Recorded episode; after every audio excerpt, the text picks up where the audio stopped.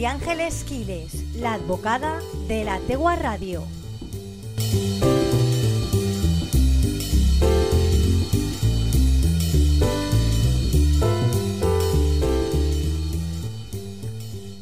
En el procedimiento seguido, el procedimiento conjurado seguido contra Ana Julia Quesada, existían varias posturas. Por un lado, la del Ministerio Público, la del fiscal, que pretendía que fuera condenada Ana Julia por un asesinato con alevosía del artículo 139 a la prisión permanente revisable, principalmente por la víctima ser menor de 16 años. La acusación particular igualmente pretendía, quería que Ana Julia Quesada fuera condenada por un delito de asesinato con ensañamiento que igualmente que la anterior y la intentada por el Ministerio Público llevaba aparejado una condena de prisión permanente revisable.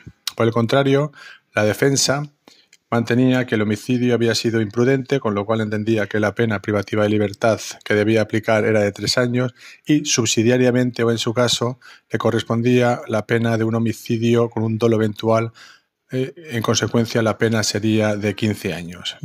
¿Qué argumento ha utilizado la defensa para llegar a esta calificación? Pues que la acusada cometió, Ana Julia Quesada, cometió el crimen en un estado de ira y sin pensar en las consecuencias. Además, estaba en un estado pasional que eh, disminuía su capacidad de comprender y entender el resultado que estaba obteniendo. El homicidio con dolo eventual significa que en este caso Ana Julia Quesada en un momento determinado sabía que estaba estrangulando o matando al niño, al niño Gabriel Cruz y sin embargo no cesó, sino que continuó. Principalmente había intencionalidad, por eso se califica como dolo eventual en el, homicidio, en este caso, de, de Gabriel Cruz.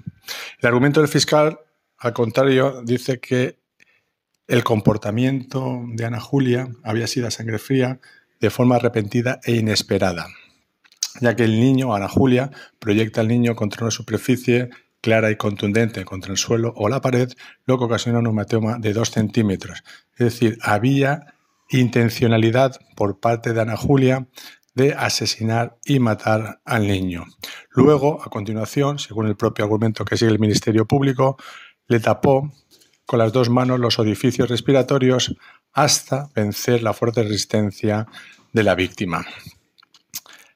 El jurado, una vez se le han planteado o han, sido, han tenido acceso a todas las pruebas, sobre todo las de los médicos forenses y la de los policías, ha considerado como tenía que responder a una serie de preguntas si los hechos eran o no probados. En este caso, sí consideran probados que el asesinato fue con alevosía y el agravante de parentesco. El jurado tuvo en cuenta el agravante de parentesco y que quitó la vida voluntariamente a Gabriel de forma sorpresiva y repentina, sin posibilidad de defensa ni reacción por parte del menor. En consecuencia a la anterior, la pena que le debe de corresponder, que lo tiene que aplicar la sala, deberá ser de la prisión permanente revisable. En este caso, no han tenido en consideración la argumentación o el argumento dado por, el, por la defensa que intentaba que el homicidio fuera imprudente o que hubiera sido eh, la muerte del niño Gabriel Cruz de manera, de manera accidental. Ha entendido, por el contrario, el jurado que ha habido intencionalidad, que incluso se podría considerar que hubo premeditación y que incluso se ensañó con el, con el menor para matarle. Había, desde luego, una clara voluntad de llegar a ese resultado.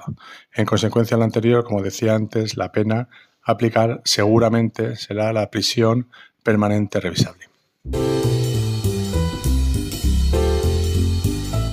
María Ángeles Quiles, la advocada de la Tegua Radio.